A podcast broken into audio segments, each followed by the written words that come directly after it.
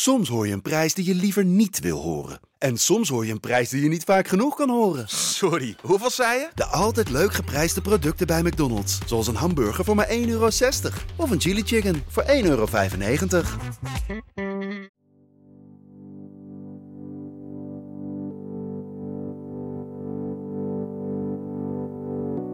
Nog 16 dagen en dan rolt de eerste bal in het Al Bayt stadion in Qatar. De roep om een boycott werd in de wind geslagen. We gaan erheen en het hele circus is erbij op het meest controversiële WK in de geschiedenis. In de aanloop er naartoe ging het meer over mensenrechten dan over middenvelders. Meer over steekpenningen dan over steekpaasjes. En meer over uitbuiting dan over uitslagen. En wij branden de komende twee afleveringen onze vingers aan het hete hangijzer van Qatar. Wat is er allemaal mis met dit WK? Kunnen we in godsnaam nog een beetje voorpret hebben? Hoe moeten voetballers zich verhouden tot deze situatie? En, belangrijke vraag, kleeft er bloed aan onze afstandsbediening als we gewoon weer lekker gaan zitten kijken? Vandaag deel 1, de shitshow van Qatar en onze gast is Danny Goosen.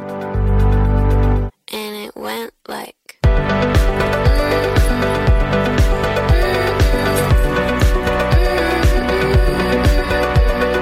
Gaat het toch over Qatar, hè, weer? Ja. ja. Dat is wel heel triest. Kiezen ze gewoon willekeurig een land dan? Of hoe, hoe... Ik, ik zeg charlatan. Het is natuurlijk een, eh, toch een groot probleem. Ik schrok er echt van. Slaat helemaal nergens op. We hadden toch wel toch een beetje zin in voorpret eh, voor het WK. Ja, maar daar, daar moeten we niet te veel naar kijken.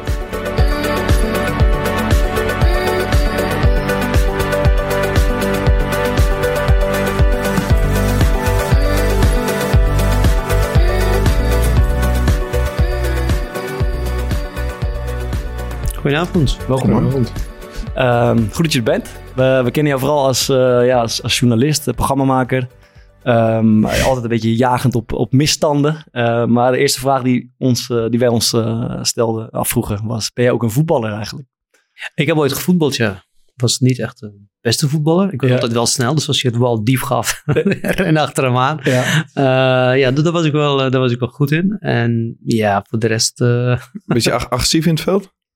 Eh, zo nu en dan, zo nu dan, kon ik al een trap uitgeven. Dat is ook meer onbenullig, maar eh, ja, ik was, ja, ik, ik was links of rechts buiten. Dus ja, mee verdedigen en zo, dat ging niet zo goed.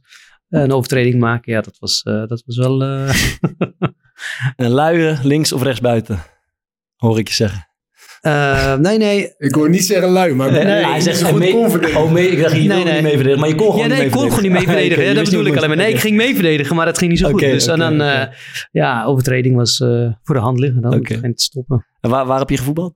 Ehm, in eh, Woerden. Oké. SS Woerden. Ja. En jouw club is PSV, eh, begreep ik. Ja. Waar, waar is die liefde in godsnaam tot stand gekomen? Nou, ik was 15 toen ik naar Nederland kwam. En eh, wij zaten in Vledder op zo'n eh, AZC. Ja. het was eigenlijk een camping. En Ja. eh, daar verhuurden ze van die oude verrotte huisjes eh, aan de COA. Eh, en ehm, wij mochten daar in, een- in, een, in een huisje zitten. Ehm, en ja, je verveelt je dood natuurlijk op zo'n op zo'n eh, AZC'tje. Ja. Camping. En eh, dan ga je gewoon eh, naar het voetbalveld. Want daar is ook een voetbalveldje. En daar waren eh, wat jongens aan het voetballen. Ze waren daar een paar dagen op vakantie. Vanuit Eindhoven. En ja, de PSV-shirts aan. Dus Ja. ik ging een beetje mee voetballen. En eh, ik trok een paar dagen met ze op. En eh, ja, toen Toen was het... ook eh, gewoon vergelijk voor PSV toen geworden. was ik gelijk voor PSV geworden, ja. Welke lichting was dat van PSV? Eh 3,94. Toen kwam Ronaldo en Nilis net, net bij PSV voetballen. Ja, toen, was, eh, toen mocht ik Ronaldo eh, zien voetballen op tv. Toen waren de wedstrijden gewoon op, eh, op Nederland 2 te zien. Dus dat was wel leuk. Heb je daar nog actieve herinneringen aan? aan specifiek aan die Ronaldo? Ja, zeker. De eerste wedstrijd speelden ze volgens mij uit bij Leverkusen of Werder Bremen, ik weet het niet. En hij maakte, het was 5-4 voor, eh, voor de Duitsers. En Ronaldo maakte iets van drie doelpunten.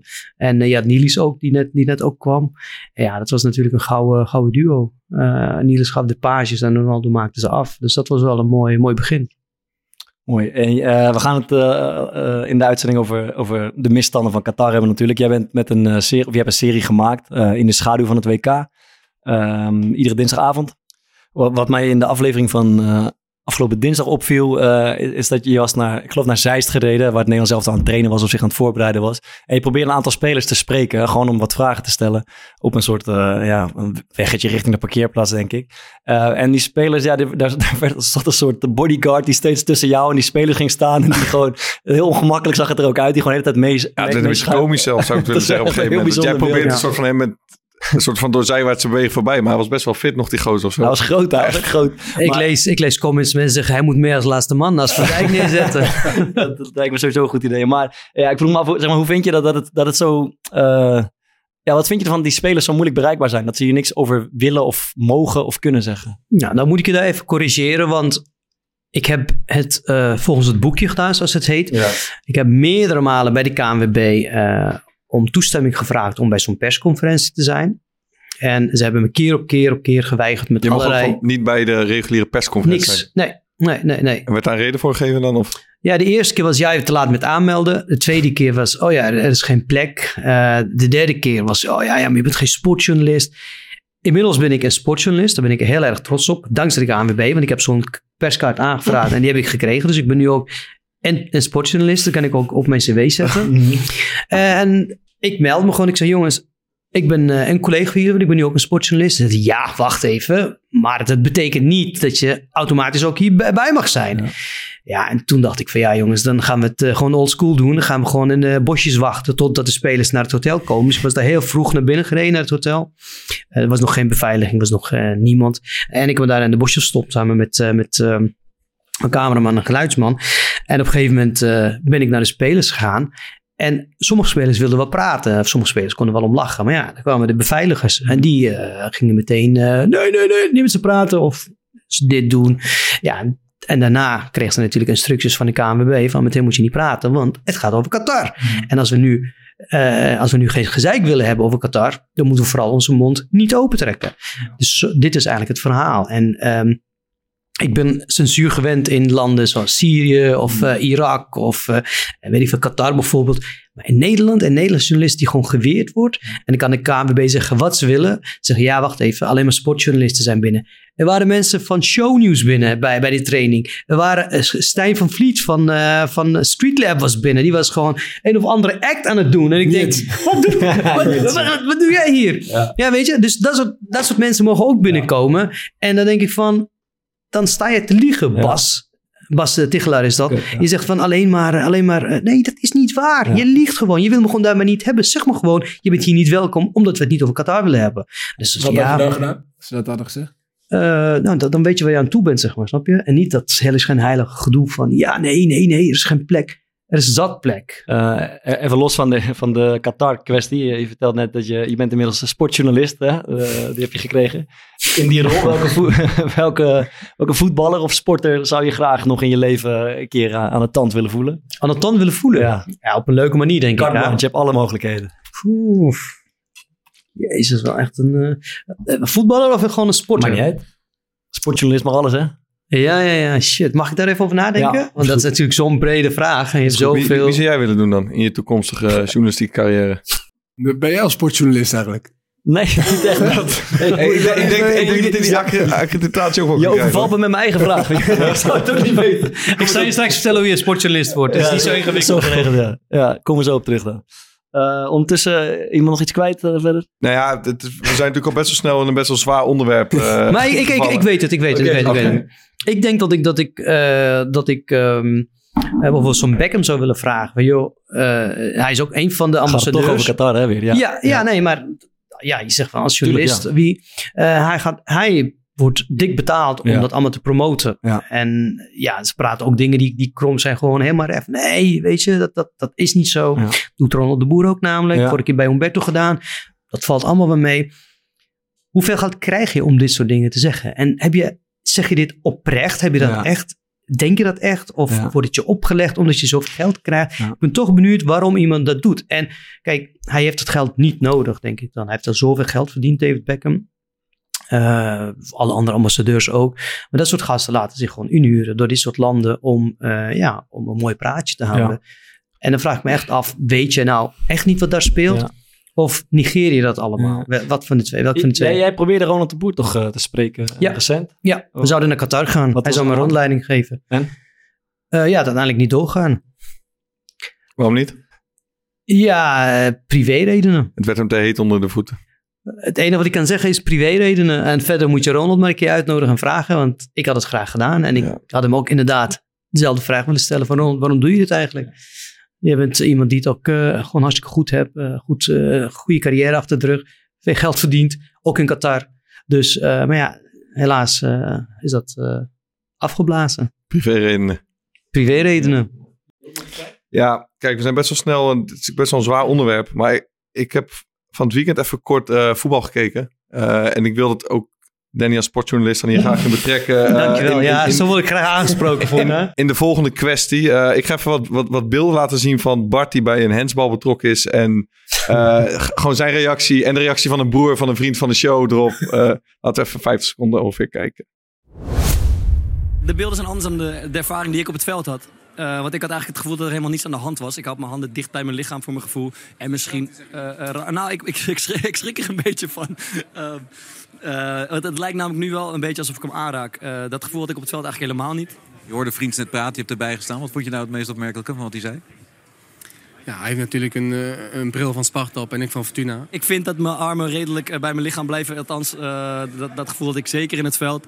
Eh, hier, moet, hier moet ik zeggen dat mijn handje toch iets hoger is dan ik, eh, dan ik vermoedde. Meer eh, onnatuurlijke houding kan je niet meer hebben, denk ik. En ik denk dat hij een duel moet maken met, met Yilmaz. En eh, dat hij contact wil maken. Maar dat hij gewoon mis zit en dat hij daarom eh, met zijn hand de bal raakt. Ik, ik vind het zou het wel heel licht hebben gevonden voor een penalty. Eh, dus hier staat een blij man. En hij zegt dat het heel licht is, maar dat zegt voor mij al genoeg dat hij ook wel vindt dat het de penalty is.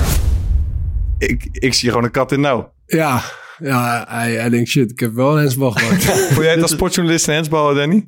Ehm, ja, was die beelden lastig, lastig te Ja. zeggen. Ik geloof hem wel.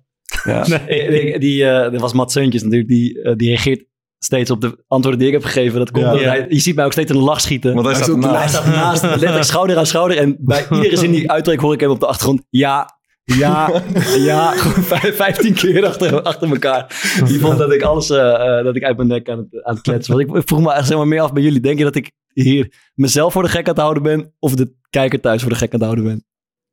nou ja, je komt wel oprecht over. Vind, vond ik. Ja. Toen, ik, toen, ik, het- toen ik het hoorde, dacht ik, nou Ik ja. meen het echt. Ik, Maar ze, hebben, ze, ze hadden ook nog een montage volgens mij met het beeld. eh, Ja. Tegelijk lopen met het beeld. Dat Ja. je zei van in mijn... en, en dan zie je zeg maar dit zo gebeuren. Ja, ja. Maar ja, ik had wel het idee dat het... Ik eh, schrok er echt van. Ik, eh, dit klinkt natuurlijk een beetje als Mark Rutte. Eh, wat zeg ik, de beelden zijn anders dan de ervaring die Ja. ik heb op het veld. In kleedkamer 1 kwam, had iemand op een tegeltje Ja. gezet gelijk. Maar eh, oprecht, je, je, je kan niet geloven. Als je die beelden ziet, dat ik die bal niet raak met mijn hand. Ja. En eigenlijk kan ik het nog steeds Maar- niet geloven. Maar in de maar- wedstrijd ik heb je nou wel is het toch wel dat je hem... Dus Hoe kan je nou bij het ene beeld hem wel raken met je hand en bij het andere niet? Nou, dit, is- dit is gezichtsbedrog, dus dit beeld. Want luister, iemand, eh, het is- ik heb het gevoel in het veld, ik raak die bal niet met mijn hand. Maar op dit beeld kan het bijna niet anders dan dat je hem wel raakt. En toen kreeg ik s'avonds, ik had die discussie met de commentator, kreeg ik een, eh, een berichtje van iemand van de NOS. En die had de andere beelden van de VAR gezien, want de VAR heeft er wel naar gekeken. En vanuit een andere hoek, vanuit het doel, kan je dus blijkbaar zien dat ik de bal niet raak. Hoe gaat die bal omhoog dan? Vraag ik me af. Ja, dat is een wonder. het is tovenarij. Nou, ik, om het, Oké. om het Ja. te beslechten heb ik nog even één iemand gevraagd om, de, Nee, om- toch om- zeker. Om er wat over te zeggen. Oei, oei, oei, oei, Bartje Vriends. Wat moet die man toch blij zijn dat hij een platform heeft? Waar hij zijn mening kan etaleren en waar de scheidsrechtertjes en vooral de VAR bang van is. Want afgelopen weekend, waar de man handbal aan het spelen is in de 16 bij Yilmaz, is natuurlijk een 1000% penalty. Maar ja, die mannetjes zijn bang bij de KVB. Omdat Vriends anders genadeloos hard uithaalt in de Kor podcast. Ongekend, maar ja, Ja, en zo gaat het nog ongeveer anderhalf minuut door. Geweldig. geweldig. Ik moet Dit was zeggen, Ralf Seuntjes. Ja, dit was Ralf Seuntjes natuurlijk over uh, ter Mooi. verdediging van zijn broer. Ik moet zeggen, ik zit toch... eh, ik, als jij zegt, ik heb andere beelden gezien. Ik heb het niet gezien. Het werd me verteld dat er andere beelden zijn waarop ik de bal niet raak. Eh, Maar waarom, waar, waar zijn die beelden dan? Ja, dat is, dat in, de, in de kluis van, de, Ik zit- van ik Zeist. Ik zit nog met Team Seuntjes, man, moet ik te ze- zeggen deze. Ik gun je alles verder, maar ik, ehm, ik weet niet. Ik vond het frappant. Ik ook, ik ook, ik ook. Ehm, ik had, eh, ja, we hadden toch toch een beetje zin in voorpret eh, voor het WK. Ik bedoel, eh, ik proef er nog helemaal niks van. Niet op straat, niet op, op internet. Niemand lijkt... Nou, ik zag net in een kroeg dat de Nederlandse vlaggen hingen. Kijk. En er hing een vlag met Hup, Nederland, Hup Holland Hup. Dus het begint- moet nog een beetje... Ik bedoel, ja, het is ook een beetje gek aan. Het WK is nu in de winter, terwijl de, Ja, terwijl de, terwijl de clubs nog aan het spelen zijn. Ja. Ieder, eh, vanavond speelt PSV Europees. Ja. Gisteren heeft Ajax gespeeld. Dus iedereen is daar een beetje mee bezig. Ja. Eh, Feyenoord moet ook spelen. Eh, nee, is het morgen trouwens. Ja, morgen is het, eh, eh, vandaag is woensdag. Dus iedereen is nog bezig met de voetbalclubs. En Mhm. volgende, eh, aanstaande weekend is het al, ehm, of nee, volgende week. Wat is het nou? Ajax PSV. Dus weet je, iedereen is gewoon bezig met, met, Ja. eh, met voetbal. En meestal eh, heb je gewoon... eh, Wat langer aanlopen. Precies. Ja, en het is weer een lekker beetje weer buiten toch. Je Ja, gaat- en dan begint iedereen een beetje zich naar het WK. eh, Je hebt nog het oefenwedstrijdjes. eh, Gaan we, gaan we daar toch eens even verandering in brengen, Danny? Want eh, ja, laat ik zeggen, wat was het eerste WK? Laten we een beetje terug in de tijd gaan naar een WK-herinnering. Wat was het eerste WK dat jullie zeg maar actief hebben beleefd? Eh, ik weet, uit welk jaar eh, kom jij zelf? eh, 78. Acht, je Ja. komt uit 78. Ja, dus dan heb jij wel... Ja, eh, oude lul, zo. ja. Wat is het, eh, 82 of zo? eh, zit je al een beetje in nee, nee, nee, nee. Nee, ik denk rond de jaren 90. Dan ben je vier. Ik kan niet rekenen. 92 natuurlijk, 92. ja, zoiets. Twee- 92 was een EK. 90, Italië Ja. denk ik zo'n beetje. Ja, ja. Ik, ik, kijk, ik, ik, ik kom uit Libanon. hè. Ik heb 15 jaar daar gewoond. Dus daar heb ik de meeste, tenminste, eh, eh, dingen gezien. Ook niet echt alle wedstrijden. Want ik was niet zo'n... eh, toen was ik nog niet echt bezig met voetballen. Hoe werd dat daar beleefd? Nou, het is grappig, want Libanon heeft helemaal geen eh voetbal. Tenminste, wel voetbal, maar die is gewoon slecht. Dus die doen nooit meer aan een WK. Dus eh, wat heel veel mensen daar doen is, ze zijn voor Duitsland, Engeland, eh, Brazilië, eh, Italië. eh, Is dat gewoon willen, kiezen Nee, gewoon willekeurig? nee, nee, nee, nee, maar nee, kiezen, ze gewoon willekeurige land dan? Of ja, hoe- ja, hoe- daar zijn supporters van en dan gaan ze allemaal vlaggen aan de auto hangen. En dan gaan ze rondscheuren, toeteren. En soms staan er ruzies van, wat nou met je Brazilië is kut Brazilië. Ja joh, dat is echt hilarisch. Onder de Libanese bevolking ontstaan een soort van ruzies over de ene die voor Engeland is en de andere voor Italië. ja, geloof me, we hebben al echt honderdduizend redenen wa- waardoor we elke dag ruzie met elkaar hebben. Echt, al was het geloof of politieke. Maar dan komt er, het WK komt er nog eentje bij. En dat is dus al die landen dan. En ja, weet je, die mensen zijn nog nooit naar, naar Italië geweest of naar Duitsland. Of naar de, het is gewoon puur van, of naar Brazilië. Je moet En wat ze- kiezen. Het shirt Ja. is mooi. Of, eh, ja, Dus je hebt daar ook wel een soort derbies eigenlijk.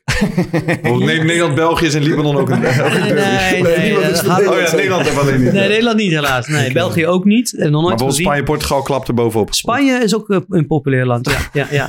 ja misschien Italië of eh, misschien Portugal nu met Ronaldo natuurlijk de afgelopen jaren. Maar het was meestal echt de diehards waren Brazilië, Duitsland, Italië, Argentinië, ehm, Engeland. Dus dat waren echt de landen die, eh, die, die dan op veel auto's stonden of oh, huizen naar beneden worden Heb, je- gehezen. he- heb je nog herinnering, herinnering aan dat je een WK zeg maar, hebt gevolgd daar? Eh, ja, toen werd Duitsland wereldkampioen.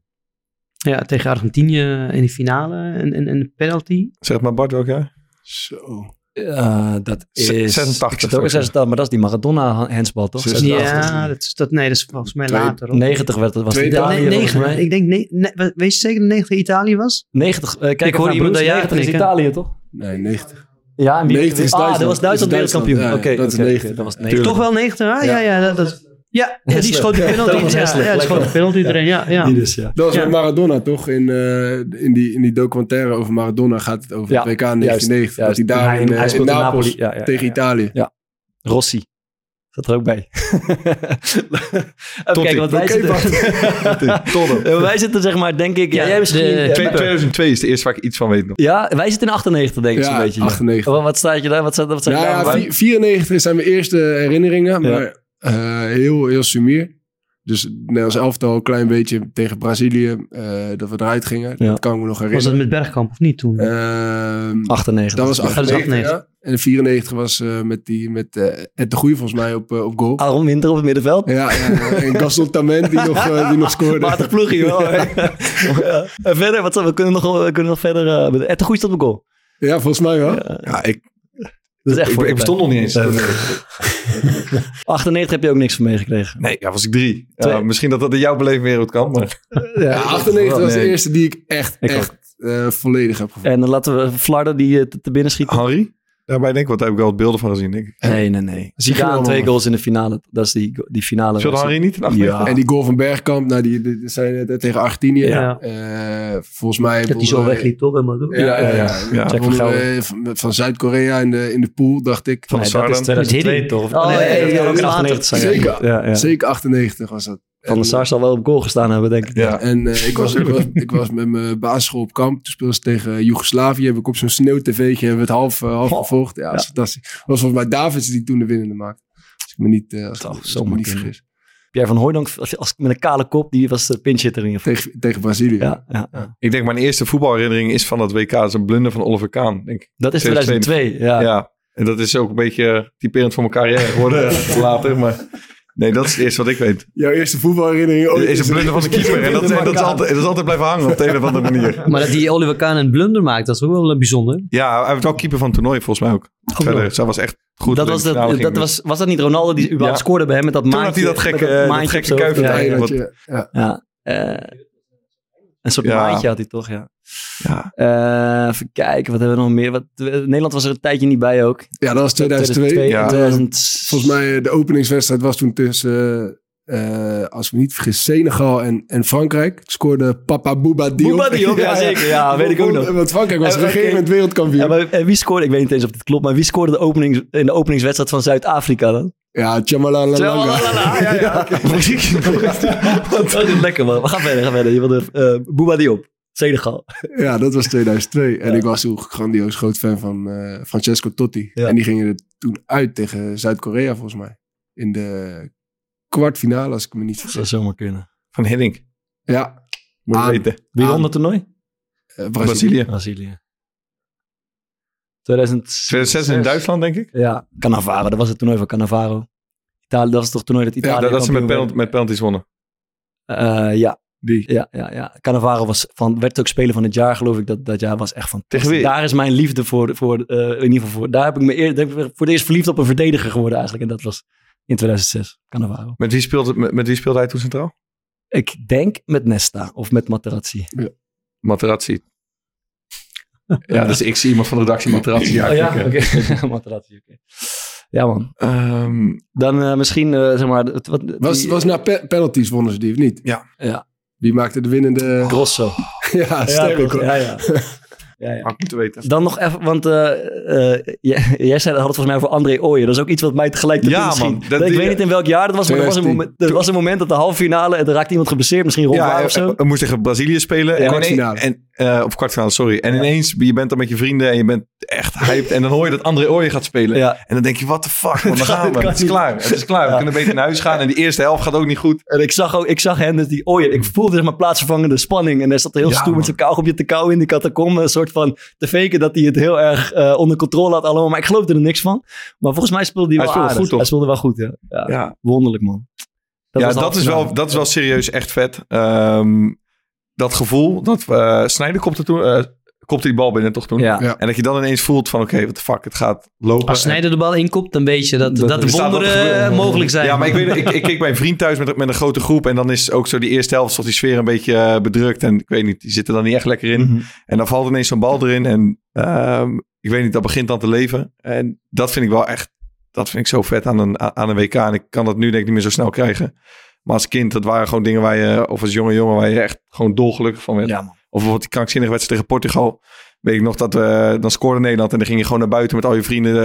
eh, ehm, Was dat met al die gele kaarten en die Ja, man. kaarten? En met die tackle Ronaldo. Ja.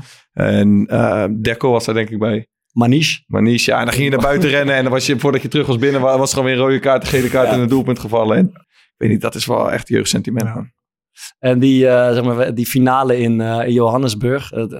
Dat zijn we Het natuurlijk was ook allemaal, dubieus... eh, allemaal voor het eerst. eh, WK zeker, zeker. Of Waar, waar keken jullie die finale? In Spanje, man. Eh, Op Ik de was- camping? Ja, op een camping. In zo'n soort van Hollandhuis. eh met z'n allen. Shirtje, oranje shirtje aan? Ja, Kroon, tuurlijk. kroon en klomp op je hoofd? Nee, ja, dat, dat weet ik niet meer. Maar ik weet wel samen met eh, de toenmalige vriend van, me, van mijn zus huilend teruggelopen naar de caravan. En gelijk naar bed gaan daarna. Terug, man. Ja, doodziek van, man. Ja, dat deed gewoon pijn. Ja, dat deed echt pijn, man. Verschrikkelijk. Versla ik keek op zo'n groot plein, jongen. Zo'n totale verslagenheid. Totale leegte. Ja, maar in Nederland heerst altijd zo'n sfeer van... wij worden nu wereldkampioen. Ja, natuurlijk. Het is Ja. altijd zo. De lat wordt zo hoog gelegd Ja. dat het alleen maar tegen kan vallen. Eh, voor Pret is geslaagd of niet? Ik, hij- ik, ik weet het niet. Ik heb er... Volgens mij gaat hij bijna huilen weer. Ja. Eh, hij is helemaal stil. Ja, we zitten er een beetje doorheen. Komen er, eh, we komen er later op terug. Ehm, ja, ik, laten we het hebben over het, eh, eh, het toernooi in Qatar. En ik dacht eerst, ik ben eerst even in de geschiedenis gedoken van eh, dat WK-bid. Want daar is het eigenlijk... Daar is, eigenlijk is dat nou goed gegaan of niet? Dat is eigenlijk precies waar het fout is gegaan. En daar had het ook moeten eindigen. Ja. Eh, het is een, een soap, een wonderlijk verhaal. Ik eh, probeer er even doorheen te lopen. Het was eh, in 2010 in Zurich is dat, is dat zeg maar besloten. Ehm, en het was zeg maar, zo'n klassieke bobo-feestje waar alle grote der aarde zich verzamelden. Rutte was erbij, maar ook Bill Clinton en Abramovic en Poetin en Sarkozy. Ehm, en daar werd zeg maar, besloten dat eh, de toewijzing van, van 2020 naar Rusland ging en van 2022 naar eh, Qatar ging. Klinkt Ehm, niet goed, man. Ook dat- met, de- met de kennis nee, van nu. ik, eh, ik weet niet of je nog iets van het Nederlandse bid kan herinneren. Het is zeg maar, eh, Nederland en België deden Ja. samen een bid. Je had Engeland, Amerika, Spanje en Portugal deden dat samen. Ruud Gullit op de fiets. Ja, dat is het enige. Qatar en kan eh, Rusland inderdaad. Ruud Gullit en Johan Cruijff ja. op de fiets. Eh, en de Belgen die kwamen met eh, bonbonnetjes aanzetten met de Belgische en Nederlandse vlag erop. Het was een heel, zeg maar, heel keurig En die gaat racen bid. met eh, dollars. Ja, die kan met allemaal, Nou tassen met 100 miljoen. Eh, en Niet op de camera, maar Nee. die zijn wel gekomen. Dus met de kennis van nu is het natuurlijk heel lullig dat Nederland daar aan kan fietsen met, alle, met onze belangrijke mannetjes. Maar dat op de achtergrond dat hele theater al besloten was, eh, namelijk met, met eh, handjeklap. Eh, en Qatar was een grote outsider, maar niemand had, eh, eh, had ook maar enige verwachting dat dat land zou gaan winnen. Ehm, ja, dan, dan wil ik even uitleggen hoe het gaat. Er waren zeg maar 24 kiesmannen. Dus 24 belangrijke mannen van de FIFA die, konden, die hun stem konden uitbrengen. En die, die eh, landen die hun bid doen, die gaan dan een beetje langs die landen. Gaan hun verhaaltje verkopen en gaan in, in de hoop dat die kiesmannen eh, overtuigd worden. En al voor het toernooi ehm, eh, waren er twee kiesmannen gedisqualificeerd. Het zat namelijk zo, er was een Amerikaanse onderzoek, onderzoeks, onderzoeksjournalist. ehm, die deed zich voor alsof hij bij het Amerikaanse bid hoorde. Eh, en die raakte aan de praat met die, met die twee kiesmannen. En die eh, stelde zeg maar op een gegeven moment de vraag van... wat als ik je nou anderhalf of twee ton geef? Eh, Ben je dan bereid om voor Amerika te kiezen? Ehm, was een journalist uiteraard. Twee mannen gingen daar gretig op in. Een meneer Adamu uit Nigeria en een meneer eh, Temari uit Tahiti. Dus daar kon gelijk al een streep doorheen.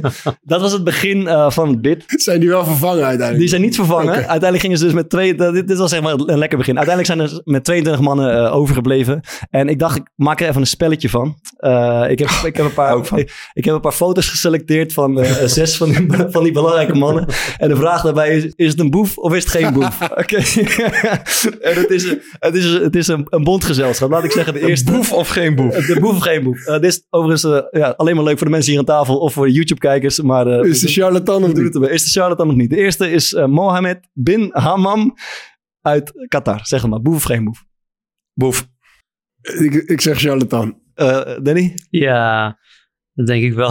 Dit is natuurlijk een gigantische boef. Dit is, dus eigenlijk waar het allemaal mee begonnen is... eh, eh, hij Dit is de heeft- grootste van. Hij heeft het, eh, het, Qatar, eh, het WK naar Qatar weten te halen. Is in het eigen land als een held ontvangen. eh, eh, omdat het geslaagd is. Eh, toen is het een beetje naar zijn bol gestegen. Dus toen heeft hij zich kandidaat gesteld gelijk voor het voorzitterschap van de FIFA. In Hij is ook voorzitter geweest van de Aziatische voetbalbond, toch? Eh, toen, toen, toen, ging hij, dat klopt, ja, toen ging hij in een 1 tegen 1 strijd met Sepp Blatter die verkiezing aan. Maar dat heeft, Ja. heeft hij nooit gehaald. Dat was een nog grotere boef. Nee, die verkiezing is nooit doorgegaan. Want ze vonden, dat, eh, ze vonden uiteraard dat hij allerlei mensen had omgekocht die stemgerechtigd waren. Toen is dat... eh, voor zijn naar voorzitterschap. Toen is de zaak aan het rollen eh, geraakt en ging ze verder zoeken. En toen bleek natuurlijk dat hij dat trucje ook bij het WK-bid had uitgehaald. Dus Mohammed bin Hammam is absoluut een boef. Dan gaan we door eh, met de tweede. Platini. Oh, Michel zeker. Platini zeker, Frankrijk. Zeker, is een zeker, zeker. Zeg ja. maar, Fokker, ziet eruit? Boef! Dus, Ja, weer. Dat is natuurlijk ook een boef. Platini was volledig voor het Amerikaanse bid.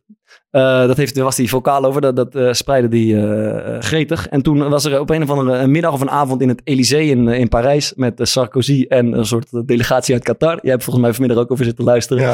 Eh, Volgens en, mij met deze Mohammed bin Hammam ook. Zo was hij best, erbij ja. En hij, wonderlijk, hij, hij sloeg helemaal om. Hij was ineens voor Qatar, nou, daar gingen natuurlijk allerlei belletjes rinkelen.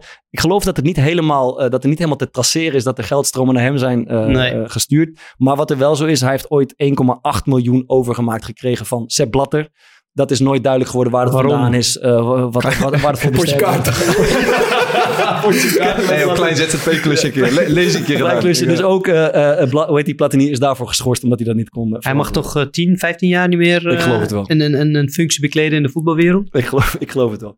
Eh, de derde, het zijn er zes trouwens. Dit is eh, Junji Ogura uit eh, Japan. Kijk is er goed naar. Is het een boef? Is Nee, Hij heeft die ja- bril van die- van nee, Japan. Japan- Japanners geloof ik ook niet helemaal. Junji Ogura. Ik zeg een, ik zeg een boef. Toch een boef? Brandschoon. Brandschoon. een van de weinige brandschoon. Hij heeft zelfs meerdere eh, prijzen gekregen voor zijn positieve bijdrage aan het mondiale voetbal. Dit is een van de bobo's die eh, zijn handen eh, Op wie heeft hij schoon heeft. Ik zou het niet weten. Ik zou het niet weten. De vierde. We hebben hier eh Sines Ercik uit de Turkije. Ja, sta, foute bril. Zeg, eh, zo- Tony Soprano brilletje op. Ja, ga ik toch weer... Dat is de boef. Ik denk een boef toch Ja, weer. deze komt rechtstreeks uit de film van eh, zo'n Amerikaanse maffiafilm gelopen. Danny, wat zeg jij? Ik sluit me ook bij hem aan. Zuiver op de graad. Ja, Hij is, hij is misleid, hè? Met de, Ja, met ja, de hij is- bril. Ja, de bril. Spatzuiver. Deze Turk, uh, Senes Ercik, eh, daar valt niks over te zeggen. De vijfde is deze man, Ricardo Texera uit eh, Brazilië. Ja, dat is geen bekend, boef toch? is Ja, boef? ja, ja, ja, ja, ja, ja, ja. Dit is een boef. Tricky Ricky wordt hij genoemd. Tricky Ricky. Dat is ook een geweldig verhaal. Ik Maar waar zijn die vrouwen dan? Er zit er geen enkel vrouw bij. Eh, de, waar, waar de vrouw God, het binnen God, had, misschien Nee, maar ik bedoel, het is toch bizar dat er geen enkel vrouw bij zit. Alleen Nee. maar mannen, mannen, mannen, ja, mannen. zeker, zeker. Ja. Ik ga dus, eh, Ricardo Texera, er is geen FIFA-schandaal waarin zijn naam niet naar voren komt. Nam door de jaren heen tientallen miljoenen aan steekpenningen aan. Tientallen miljoenen. Dat Tricky Ricky, ja. Die dat, dat is een van de grotere boeven. Eh, tot slot nog eindigen, eindigen met deze man. Oh, ja, ja, ja, ja. ja. Nee, dit is Jack with the money! Ja, dat zie je meteen. Dit is Jack Warner uit Trinidad en Tobago. Hij heft zijn hand met een hele dikke gouden ring op. Ja, En ja. een eh, fout brilletje ook. Eh, zeg maar, boef of geen boef? Nee, is charlatan. Zeg maar. Ja, ik ga mee met Fokker. Ik denk duizend procent wel. Dit is een teringboef. dit, is de, eh, dit is de grootste van allemaal eigenlijk. Komt die Jack Warner uh, witwassen. Fraude, afpersing, duikt op in het een na het andere omkoopschandaal. een groot wonder dat hij het jarenlang volhield. Uh, kreeg naar verluid 1,2 miljoen vanuit Qatar betaald. Wow. Maar dat is nog een schijntje vergeleken met wat hij in eerdere jaren al opstreek met soortgelijke steekpenningen en dat soort zaken. Dus uh, eindgoed, al goed. Van de 24 kiesmannen waren er nog 22 over. Daarvan zijn er zes zuiver op de graad. En de andere uh, rekenen van me mee. De andere 16 geloof ik. Uh, dus daar, die zitten of in de bak, of zijn opgepakt, of zijn geschorst, of zijn overleden. Er zijn ook een hoop overleden inmiddels. Uh, dus zo begon, uh, zeg maar, het, het, de verkiezing van het toernooi in Qatar. Het is een wonderlijk verhaal, maar daar is natuurlijk eigenlijk al fout gegaan. Um, ondertussen, dit is tien, wat is het, tien, uh, twaalf jaar geleden. Ondertussen werd er gewoon gevoetbald, gekwalificeerd en alles. Kunnen jullie nog iets van die kwalificatie herinneren? Dat wij, op het, uh, dat wij ons gekwalificeerd hebben voor Dat is toch Ronald de Boer is? Of uh, Frank de Boer als trainer is? Ik weet het niet eens meer. Van, van dit? Van, van dit, van deze kwalificatie? Iets van een flart, een, een gewonnen wedstrijd of... Toen, ja, nee. Het is nog niet zo heel lang geleden ja. dat, ze, dat ze hiervoor uh, zijn geplaatst. Ja, klopt. Maar ik, ik, ik, ik kan een goal van Steven Bergwijn ja, herinneren, geloof ik, die belangrijk Luc was. De, Luc de Jong, die volgens mij tegen Ierland of zo okay. uh, uh, nog een keer in de laatste minuut uh, scoorde. Mm -hmm. Wat heel belangrijk was. Mm -hmm. Dacht ik. Dat okay. dat voor dit WK was, maar weet ik nou, nou weet ik het eigenlijk Zie niet je, het is, Maar het toont zeg maar aan, ik ook niet, hoe weinig... Ja, maar die, die kwalificatie is altijd kut, man. Ja, oké. Okay, okay. In ieder geval vind ik daar... Eens. Ja. Oké. Danny Blind interim hoor ik hier, in mijn oortje. Ja, die is interim geweest. Klopt. Ja, als het echt zo is, dan moet het eruit. Hoor. Dat is kut als je zegt van Frank... Frank de Boer was toch... De, wanneer was hij ontslagen dan? Dat ken je van sportjournalisten. Ik denk na het EK, ja. Na het EK meteen? Ja. Maar wie was, wie was dan... Had je interim? Dat was... Uh, Ronald Koeman. of Lodewegen. Fred Grim. nee, Fred Grim was de vorige. Was de vorige. Dat was... Dat was uh, ah, joh, Fred Grim had het ook nog even gedaan, maar dat is de vorige. Oké. Okay. Uh, misschien is het ook helemaal niet relevant. Laten we het. Uh, to, ja, laten, laten we, toch... de, de, de, kwalificatie even uh, die knippen. we de kwalificatie voor wat het is. ik weet wel dat Boerak hier was. Drie keer heeft gescoord. Ah, tegen is, tegen ja, zelf. Dat, ja, niet stoppen, Dat is tegen, tegen jou niet gelukt. Dit blijft erin. Uh, ja, het is toch. Er is veel over gezegd, maar het is toch wel belangrijk om te benadrukken. Het is echt een, een shitshow gebleken, zeg maar. Los van, die, van dat bid en de corruptie. Mm. Ook wat daar daarna allemaal is misgegaan. Los van dat bid, zeg maar, wat, is er nog, wat is er nog meer mis met het, dat het, het feit dat het toernooi überhaupt ja. in Qatar wordt gehaald? Nou ja, heel veel mensen zeiden van, ja, in de zomer kun je daar niet voetballen. Het is ontzettend warm daar. Ja. Het is echt uh, 40, 45, misschien wel 50 graden soms. Ja. Ja, hoe, hoe weer voetballen, hoe weer trainen, eh, daar kan je echt overdag niet lopen. Ik ben daar geweest in 2016 om daar een beetje rond te kijken voor een ander programma. En wij dachten, wij lopen 100 meter om een taxi te pakken. Maar die man zei, nee, nee, blijf hier binnen, ik bel een taxi. En zei, nee joh, het is maar 100 meter. En we begonnen al te lopen en het was zo warm ja. dat je bijna echt flauw valt van, van de hitte. Ja. En nagaan dat je daar moet gaan voetballen.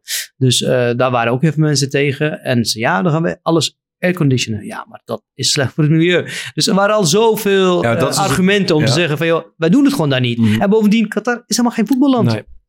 Dat is dus een van die bizarre dingen. Oké, je hebt dat bid gehad. Nou, dat heb je eh, net uitgebreid uitgelegd. Dan heb je de, eh, het probleem met de mensenrechten. Je hebt de arbeidsmigranten gehad. Ja, dat is pas Eh, later gekomen. hè? Dat, is, dat zijn allemaal dingen Ja, ja. die pas later echt Maar aan het licht kwamen. Laten we daarop maar, maar houden. dus op, ehm, en op een gegeven moment krijg je inderdaad ook dat van wat de fuck, we gaan, je kan daar niet voetballen in de zomer, dus we trekken naar de winter toe. Ja. Ehm, maar dat betekent inderdaad, het is alsnog heel warm, dus je moet, ehm, je, eh, je moet het gaan verkoelen. Eh, nou, je zit midden in een, in een eh, ecologische ja, ravage als, als wereld zijn, dus dat kan ook niet. Daar moet wat aan gebeuren. Vervolgens komt het verhaal naar buiten. Dit toernooi is klimaatneutraal, Ja. Eh, CO2-neutraal. Ehm, daar is dus vorige week, ik, ik zag het via Replay Green, dus van, van Morten Torsby, Ping, ehm, een onderzoek naar buiten komen. dat zij hebben dus het label erop geplakt dat, zij, dat het een CO2-neutraal t- eh, Maar dat klopt toernooi is. volgens mij niet, nee. Maar ehm, kijk, CO2-neutraal ben je als je uiteindelijk... Het, eh, dat, dat klinkt als een hele makkelijke berekening. Oké, je, stoot een bepaalde hoeveelheid CO2 uit... en je haalt een eh, bepaalde hoeveelheid CO2 uit de lucht. En als dat ongeveer nul is, dan mag je zeggen je bent CO2-neutraal. Die berekening is sowieso veel moeilijker te maken dan het eh, op het eerste oog lijkt. Maar wat hebben zij nou gedaan? Dus ze hebben bijvoorbeeld zeven stadions gebouwd. En dat kost krankzinnig veel. daar wordt superveel bij uitgestoten. Maar in die berekening valt uiteindelijk best wel mee wat daar voor uitstoot staat. Wat hebben ze gedaan? Ze hebben alleen het aantal dagen dat het WK wordt gespeeld in die stadions. eh, als een onderdeel of als een deel van de totale levensduur van die stadions genomen. En daar dan de CO2-uitstoot van genomen. Dus zo'n stadion gaat iets van 60 jaar mee. En daar hebben ze 70 dagen van, ehm, dan van genomen. Dus dan komt in één keer, weet ik, voor die uitstoot komt tegen keer zoveel lager. Dus dat- bijvoorbeeld zulke dingen is ook een leugen. En ze hebben een stempel erop geplakt. eh, een soort ja, trademark van een bedrijf wat dan moet gaan zeggen dat het CO2-neutraal is. Of dat je aan die eisen voldoet. Maar dat bedrijf hebben ze zelf het leven geroepen. Dus weet je, ook op dat gebied. eh, dit wist ik nog niet heel erg. Kijk, we hebben heel veel gehoord ehm, voor arbeidsmigranten, over die mensenrechten. eh, dat het bid zo corrupt was. Maar zelfs op dit gebied, het is gewoon letterlijk een grote shitshow. Ja. We hebben, aan, eh, we hebben van tevoren eh, aan Tije Tenden, oud teamgenoot van mij van Go Ahead Eagles, inmiddels eh, geen prof meer, maar hij is eh, historicus eh, en columnist bij eh, NRC. ehm, en hij heeft zich een beetje verdiept in, ook in dit, in dit thema. En we hebben aan hem eigenlijk de vraag gesteld van hoe, hoe zet je dit WK in een, in een breder perspectief vergeleken met andere WK's uit de geschiedenis, eh, die ook een beetje besmeurd waren. En dit vertelt hij daarover. Ja, er zijn een aantal beruchte WK's geweest. Veel beginnen inderdaad bij 1978 in Argentinië. Ehm, en het lijkt eigenlijk wel zo dat het steeds extremer wordt. Ehm, en dat het steeds minder om het voetbal zelf gaat, maar al het spektakel eromheen. En de bijbehorende inkomsten en de macht die erbij hoort. En ehm, eigenlijk alle fronten scoort Qatar het slechtst. WK in Qatar is op heel veel fronten is het gewoon een, fout WK, omdat het tot stand is gekomen door corruptie. Ehm, het is ehm, behaald, inge- ingezet door Qatar met een bepaald doel. Het, het gaat niet om het voetbal zelf, maar om de, de inkomsten en, de, en het podium op het internationale toneel dat Qatar eh, verdient. Ehm, de klimaatproblemen rondom een WK zijn nog nooit zo groot geweest. De impact is nog nooit zo negatief geweest op het klimaat. Ehm, er is nog nooit gevoetbald in de winter op een WK. Dat gaat nu gebeuren. Ehm, de, de, de mensenrechten, wat een veelbesproken thema is, is, is extremer dan in andere WK's. Dat is ook fout geweest in Rusland en in Zuid-Afrika en Brazilië. Maar dit is een grotere schaal. En de zaak van arbeidsmigranten lijkt echt wel een nieuw, eh, nieuw thema, in ieder geval zeker op deze, deze, deze aantallen. Ehm eh, Eén ding waar we het nog niet over hebben gehad is zeg maar, wat, wat Tij ook aansnijdt, is dat sportswashing. Hè? Dat Qatar Ja. dit WK, dat is heel belangrijk denk ik om ook te Ja. benadrukken, dat ze dit WK gebruiken om hun eigen imago op te vijzelen. En misschien de aandacht af te leiden van de dingen eh, die in dat land gebeuren. Dus dat is denk ik misschien wel... eh, Maar dat is zoveel juist niet gebeurd? Ja, dat is best wel... Ehm, Dit is best mislukt. Ja. Dat is het punt. Ja. Maar dat is De wel insteek was dat het is wel. de intentie. ja. Zoals ze ook het WK, het wielrennen hebben georganiseerd en het handballen. En dat is allemaal best wel goed gegaan. Eh, en zoals ze bijvoorbeeld van het kopen van Paris Saint-Germain is best een soort prestigeproject eh geworden. Dat is wel geslaagd in Ja. zekere zin. Omdat ze daarmee hun imago opwijzen en rijker worden. Eh, maar dat is hier falikant mislukt. En dat komt onder andere door het werk van eh, actieve journalisten die hebben zitten graven in wat er allemaal mis is. Eh, waar jij trouwens Danny er, er één van bent. Dus dat is, de, dat is Ja. wat je probeert te zeggen, toch? Nou, ik denk dat het door, door, door de mensen zelf komt. Als je de mensen goed goed behandelt, weet je, heb je, heb je dit soort ellende niet, niet nodig. Want Ja. Qatar heeft het echt niet nodig. Het is een rijk land. Dus zorg goed voor die mensen die daar het land komen opbouwen. En dit allemaal mede mogelijk maken. Dus het begint bij jezelf. Maar, dat, dat is toch iets wat, eh, wat Gijs de Jong volgens mij ook vaak zegt, is dat, dat die problematiek, die was er natuurlijk al. En doordat het WK daar gehouden is, eh, eh, is dit allemaal eigenlijk aan het licht gekomen in, de rest van de wereld. En is de situatie iets verbeterd. dus, dus hij ziet dat zeg maar, volgens mij een beetje als winst, toch? Nou, het eerste deel heb je daar gelijk in. Dus dat, dat het nu inderdaad in de spotlight zit. Want dit gebeurt inderdaad al langer. Ja. De mensen, de, de, de gastarbeiders of de bouwvakkers zijn daar al veel langer bezig. Die bouwen niet alleen maar de stadions, maar die maken die wegen, de vliegveld.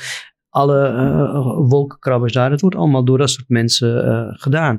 Alleen, eh Gijs de Jong zegt het gaat nu veel beter, want eh, er zijn eh, eh, ehm, de kafales afgeschaft, zeg maar. Dat is het systeem die ze daar ontwikkeld hebben. Dat is dat Enzovoort, sponsor- enzovoort. sponsorsysteem, toch? Dus een, eh, bijvoorbeeld een, een Qatari die betaalt soort van eh, dat jij daar mag gaan werken. Maar daardoor heb je een soort schuld bij hem, wordt je paspoort ingenomen en ben je eigenlijk gewoon een slaaf.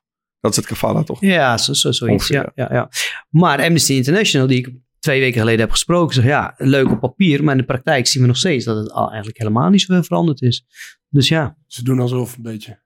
Nou, voor de buitenwereld. Ja. Ja. en er zullen vast wel een paar dingen veranderd zijn hoor. Ik bedoel, dat is ook alleen maar goed. En, eh, maar er is nog heel veel werk aan de winkel. Maar dat was dus nooit gebeurd als het WK daar niet gehouden was. Waarschijnlijk. Ja, maar dat soort dingen zegt Gijs de Jong ook weer om, om te rechtvaardigen waarom zij daar naartoe gaan. Snap je? Ik bedoel, dit, ja, we doen net of dit echt een, een, een, een, dat ze daarvoor een, een medaille verdienen of zo. Dit zijn toch gewoon mensenrechten waar we het over hebben. Weet je, we moeten niet eh, iemand de schouder kloppen en zeggen: hé, wat goed man, je gaat nu eh, de mensenrechten verbeteren. Kan jij iets, iets delen over die, eh, die gesprekken die je hebt gehad in Nepal met, met die arbeidsmigranten? Ja, zeker. Eh, bijvoorbeeld één jongen die heeft helpen bouwen aan het stadion eh, waar het Nederlands elftal zijn eerste wedstrijd gaat spelen. Eh, die jongen die heeft twee kapotte nieren. Die kan eigenlijk niks meer. Het, is, het gaat echt heel slecht met hem. Ik heb vandaag contact gehad met onze fixer daar. Is een journalist, lokale journalist. En ik zei, hoe gaat het met hem? Want ik, ik liet hem ook dat filmpje zien van de Jumbo. Maar joh, wat vinden jullie nou hiervan? En ja, die jongen die schrok de grot. Maar ik vroeg ook naar de jongen van, hoe gaat het met Amit? Hij zei, het gaat niet zo goed. Hij is gewoon de dagen aan het aftellen. Dat filmpje van Jumbo is met die juichende, Ja. juichende mensen. Die Nee, ja, met die juichende bouwvakkers. Ja. Die achter de rapper aanrennen. Of aanhollen. Of aan de Polonaise doen.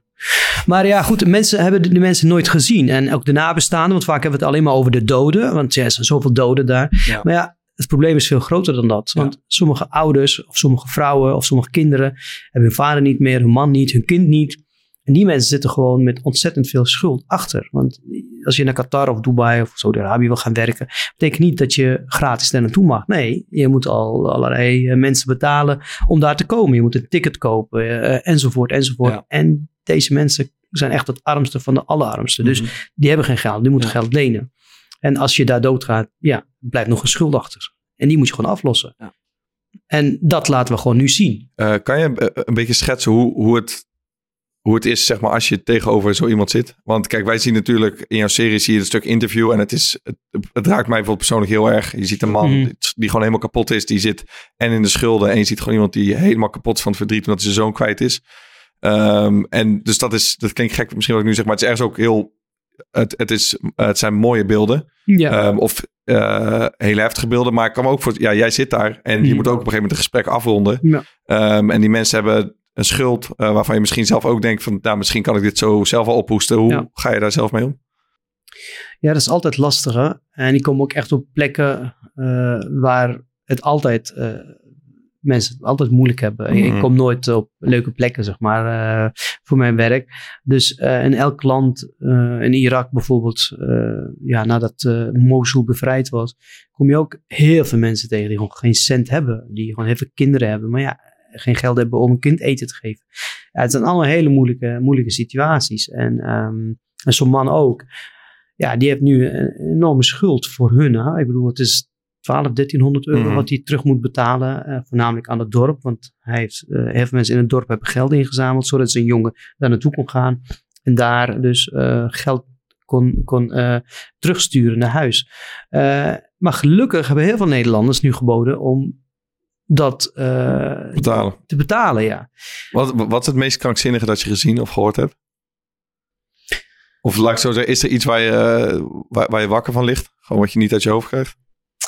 Nou, dat, dat, dat, dat, is, het zijn allemaal aangrijpende verhalen. Ik wil niet zeggen dat de ene erger Nee, nee, is dan de maar ander. dit, soms raakt iets op, ik weet niet, Ja. daar is Nou, specifieke reden voor zijn. Ja, wij stonden op een gegeven moment eh, op het vliegveld eh, van Kathmandu en wij gingen mensen opwachten die naar Qatar gingen. Want het vliegtuig vertrekt vanuit Kathmandu, ik zeg maar wat, om acht uur s avonds.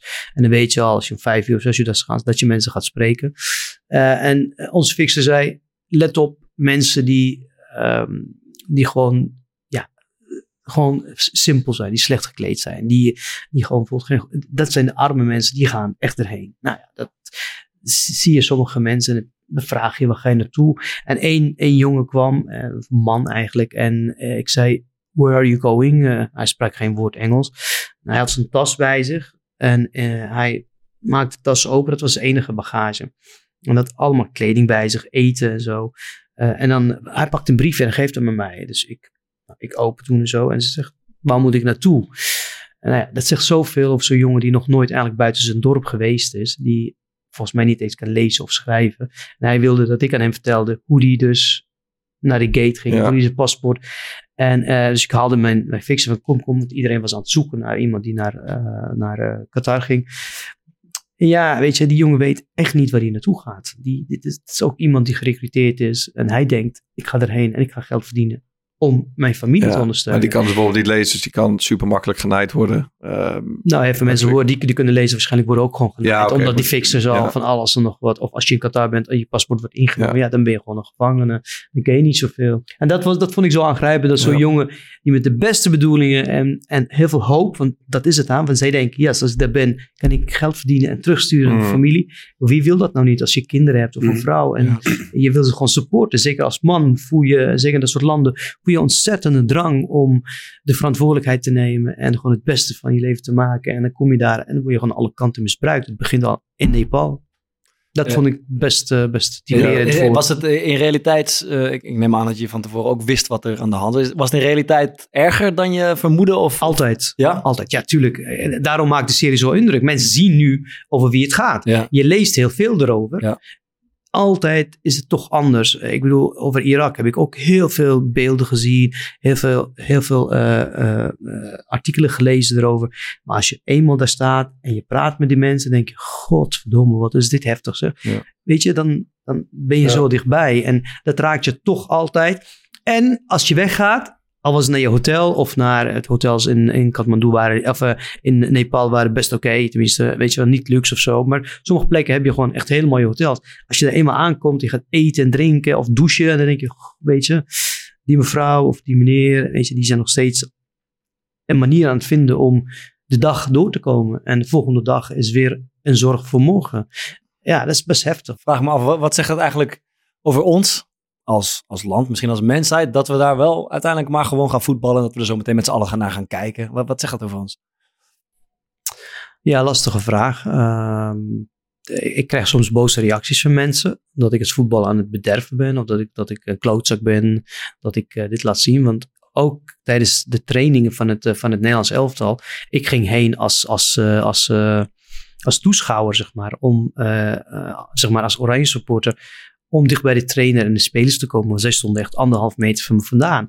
Heel veel ouders werden boos. Van, ja, wat doe je nou? Je bent het spel aan het bederven zo. Eh, het moet gewoon vooral gezellig blijven. Eh, Het is, het is allemaal voor de kinderen hier en zo. Zo ja, mevrouw, maar sommige kinderen in andere landen hebben geen vader meer of geen broer meer of zo. Ja, ja is niet ons, weet je, niet ons probleem. En dan denk ik van ja, maar dat is nou het hele probleem. Ehm, ik zeg niet dat mensen niet moeten kijken. Ik zeg ook niet dat mensen niet moeten gaan. Alleen weet wel wat er speelt. En, en, en wij als voetballiefhebbers moeten niet over dit soort situaties praten. Weet je, als je naar de Olympische Spelen kijkt in China, moet je niet denken van oei, oei, oei, hier zijn heel veel dingen mis.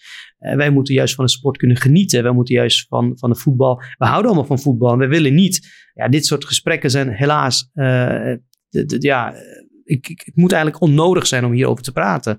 En ehm, ja, ik hoop dat mensen wel beseffen wat daar gebeurd is. En dat dit soort WK's gewoon niet meer in dat soort landen gehouden moeten worden. Landen die, waar misstanden, eh, op wat voor manier dan ook, hè, gewoon niet meer eh, gehouden worden daar. Ga je, ga je zelf kijken eigenlijk?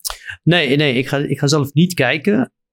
Eh, dat heb ik echt voorgenomen om dat niet te doen. Ik kan niet kijken en wetend dat, dat die mensen in Nepal zitten of in andere delen van de wereld. Want er zijn ook andere journalisten, een trouwjournalist.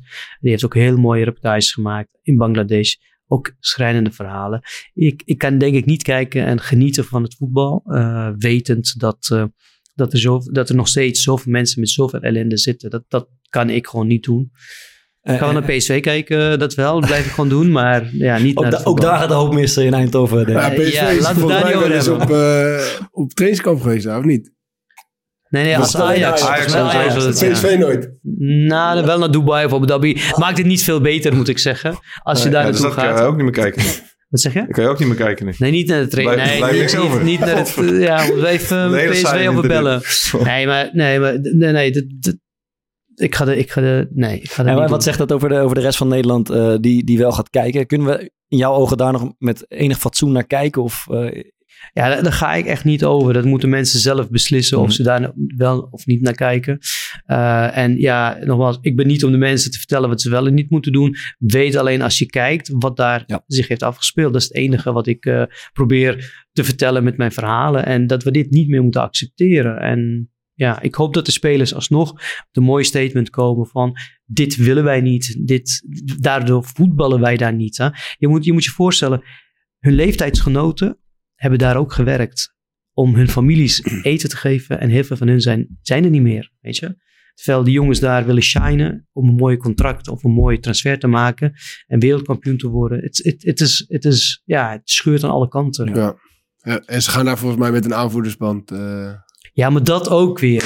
Ja, jongens, waar hebben we het over? ik vind het ook aanmoedigend. Ja, weet je, het, het is één, één speler die met zo'n bandje Ja. gaat rondlopen. Toon eens wat ballen, Gijs. Dit is een vraag aan hem. Toon eens wat ballen. Wat, wat, wat denken dat mensen hier onder de indruk van Ja, ja, raken? ik ben het er wel mee eens. En, en ik kan me ook herinneren dat er een shirtje was maanden geleden met Football support Support change. Change. Ja, welke dat change? is hebben we het over? lege huls. Toch? Ik bedoel, die Noren en die Duitsers, die hebben, die hebben dat dan nog iets... En de Australiërs, Maar die het is, hebben het is nog niet het power. een, het is nog niet het een of het ander. Ik bedoel, eh, daar, daar, er zit toch ook wel een kern van waarheid in die boodschap. Alleen die voetbal genoeg. change. Ja. Maar het is, zo, het is leeg en veilig en algemeen. Toch? Ja, Het is, ja, ja, ja. het- Algemeen kan bijna niet. En Op geen enkele van, van wat Denemarken eh, gaat doen? Die gaan volgens mij met Ja, heel ook sober, zoiets. Ja, eh, ook zoiets. Ja, ook zoiets, denk ik. Ja. Maar het is ja. wel een statement. Ja, maar dit is, dit is ook een statement, zo'n armbandje. Maar, dat, maar jij zei, het is één iemand. Maar in Denemarken doen ze dus alle spelers. Ja, maar, maar wat is de statement dan? Ja, volgens mij dat ze, dat ze hun shirt zo sober eh, mogelijk maken. Omdat, eh, Ja. omdat ze, om- volgens mij was het ook om- Ja, een, een, eh, een idee van de, van de Ja. sponsor. Die wil Ja. niet, die wil niet eh, eh, eh, op, op het shirt gezien worden. Echt. Ik vond die van Australië dan wat sterker. Omdat je daar ook die spelers dus een soort van... Ja. Je ziet ze daar niet echt als voetballers, maar meer Nee. als mensen. Mensen, ja. Die gewoon een, een mening geven over de situatie. En Ja. vertellen dat, ja, gewoon dat ze het heel erg vinden. Ja. Eh, en dat is volgens mij een, een goede start. Eens, eens.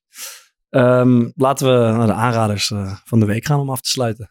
Een liedje wil je hebben, hè? Nee, eerst een aanrader. Iets, eh, iets van een andere aard. En dan sluiten we af met een liedje. Oh, pff, aanraden. Shit, dat is een goeie. Nou, eh, een serie misschien? Een leuke serie als je toch niet naar het WK gaat kijken? Ja, de hele maand december de tijd. Dan Wat ga jij kijken tijdens het WK? Eh, wat ga ik kijken? Ik denk heel veel series. Ik ben echt serieverslaafd. Mhm. En vaak kijk ik sommige series gewoon weer terug. Dat vind ik altijd wel leuk. Dus, eh Thomas niet ook eentje van. ja, die serieus. raad- die die raadt er ook twee keer aan. series kijk je? Eh, ja, ik heb, ik heb ik denk dat eh, ik heb Breaking Bad eh, wel eens teruggekeken. Volgens mij ben ik daar zelfs voor de derde keer aan begonnen. En, eh, Hij raadt hem dan ook drie keer aan, zeg maar. In Oh, Game of Thrones heb ik, eh, heb ik inmiddels drie keer gezien. Dus, Ja, daar ben ik ook weer mee begonnen Ik heb nog deze steeds niet gezien. Californication Echt? heb ik vaak gezien. Oh man. Welke was de laatste? Californication heb ik. eh, Oh, Oké, ja, die heb ik keer nog nooit gezien. de beste ooit. eh, Ja, echt? absoluut, absoluut. Eh, en nu jij? eh, Ja, ik, eh, ik ga toch voor eh, Eastbound and Down, heet dat. Dat is een comedy-serie van eh, Danny McBride, heet hij. Ken ik niet. Over een... eh, Dat is ook ja, dat is een, is een honkballer die eigenlijk... Ja, hij, hij, hij is geen honkballer meer. Hij is een beetje gevallen van zijn troon. Nog steeds heel arrogant. Eh, hij gaat terug naar zijn dorpje waar hij vandaan komt. En ja, het is, het is vol humor. Dus als je ervan houdt, eh, zou ik zeggen... Eastbound and Down is een, echt een heel leuke serie. Waar kan je kijken? Eh, HBO. Ja. Nice. Nou ja, tegenwoordig moet je tien abonnementen hebben. Ja, ik zie al, ja, ja. Tien, tien abonnementen moet je hebben. Dat is een, dat is een heel leuke serie, vind ik. Een, eh, vol met humor en eh, gekke humor eigenlijk. Want het is wel een gast die eh, zelf heel veel dingen bedenkt en heel veel dingen doet. Mooi. Ik heb ook een serie eh, White Lotus. Ik weet niet, eh, ook, ook op Ga- HBO. ik, ik ga wel kijken een keer. Ik heb hem nog niet gezien, maar ik... Op eh, HBO. ja. Ja. lijkt me echt een serie eh voor waar jou. gaat het over? eh, Twee, hè, Het, inmiddels. het gaat over de, de, de rijkste 1% van de wereld die op vakantie gaat. En de, en de onbenulligheden, zeg maar, die, die dan voorkomen. En het begint iedere keer met een soort van een, een, een dooie. En dan word je... Een dooie. Ja, een dooie in het hotel. Ja. Dus het hotel is de White Lotus. En, de, en, en, en gaandeweg eh, krijg je steeds meer inzicht in, eh, in wie dat dan gedaan zou kunnen hebben. Dus, eh, maar het, het gaat eigenlijk veel meer om de verhalen van de koppels, van de families die daar eh, op een of andere manier in elkaar verstrikt raken. Het is ook een soort van tragicomische serie. En eh, afgelopen maandag is het eerste aflevering van het tweede seizoen af- uitgekomen. Eh, en die vind ik eigenlijk tot nu toe leuker dan, eh, dan het eerste seizoen. Dus ik zou hem, ik zou hem gaan kijken. Billions is ook een, trouwens een hele goede. Ja. Billions, echt waanzinnig. Als je het over allerrijkste hebt. Nou, Ja, zeker. Ik wil toch even bij, een beetje dicht bij het onderwerp eh, blijven. Eh NRC heeft een podcast uitgebracht, de Koep van Qatar. Ehm, en wat zij, nou dat gaat logischerwijs over het, eh, over het WK en de hele aanloop naar het WK. Ehm, en je ziet nu veel series, waar bijvoorbeeld ook eh Danny-serie of reportage in de krant, eh, waar het veel bijvoorbeeld over de arbeidsmigranten gaat, over de, na, eh, over de nabestaanden. Ehm, maar wat mij nooit helemaal duidelijk was, is nou waarom eh, wil Qatar zoveel doen in de voetballerij? En wat is dat? Het, het gaat dan vaak over een masterplan of een heel groot plan erachter. En dat snapte ik nooit echt. En zij leggen in die, eh, er zijn nu vier afleveringen online. Ehm, en dat, daar legt dat echt super mooi en uitgebreid en heel rustig eh, in bloot van oké, wat is wat zijn die stappen erin geweest? Ehm, er komt bijvoorbeeld de, net niet overname van NAC komt voorbij. Dat eindigt uiteindelijk met de overname van Paris Saint-Germain. Ehm, Sarkozy, nou, een aantal dingen die Bart net heeft verteld, komen daarin terug. En ja, het luistert echt als een soort van heel bizar verhaal eigenlijk weg. Dat je soms denkt van hoe de fuck kan dit? En waarom wisten wij dit niet eigenlijk 12, 13 jaar geleden toen het allemaal begon te spelen? Maar eh, het zit erg goed in elkaar. De Koep van Qatar. Dat was ook de mijne, dus we kunnen afsluiten. ik, had hem, eh, ik, ik had hem ook in mijn hoofd. Maar eh, ik heb nog- Snel schakelen. Ik, ik, had, ik, ik wist dat hij, want ik wist dat hij hem ook luisterde. Dus ik, eh, ik heb nog iets anders. Ik hoorde ook in het thema iemand die ik altijd heel graag hoor praten, Gary Lineker. ehm, hoorde ik hierover in de News Agents van The Guardian.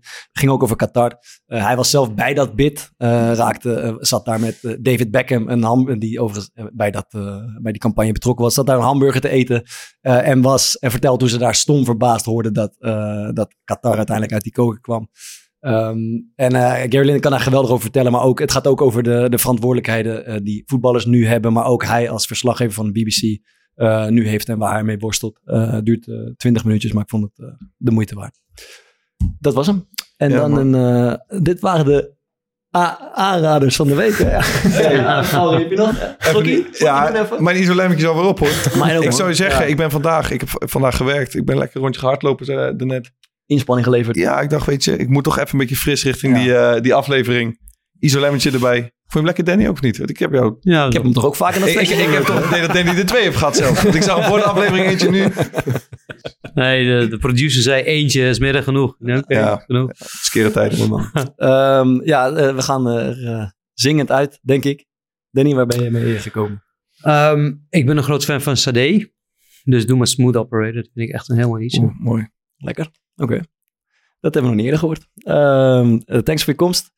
Eh, voor eh, de luisteraar, ehm, Kleedkamer 1 is nog altijd gezellig. Deze week waren er nieuwe beelden uit de, het gesprek met Patrick Lorij, die ons een...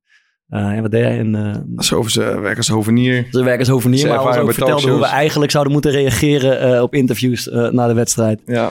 En many more. Er komt een WK-pool aan met, met de gehele voltallige kleedkamer. Ja man, we gaan nog even verder met Danny. Oh ja, we gaan nog even verder. Ehm, dus eh, doe dat. En Maarten zegt altijd. Tabé. Lekker zeg. Danny, bedankt voor je komst.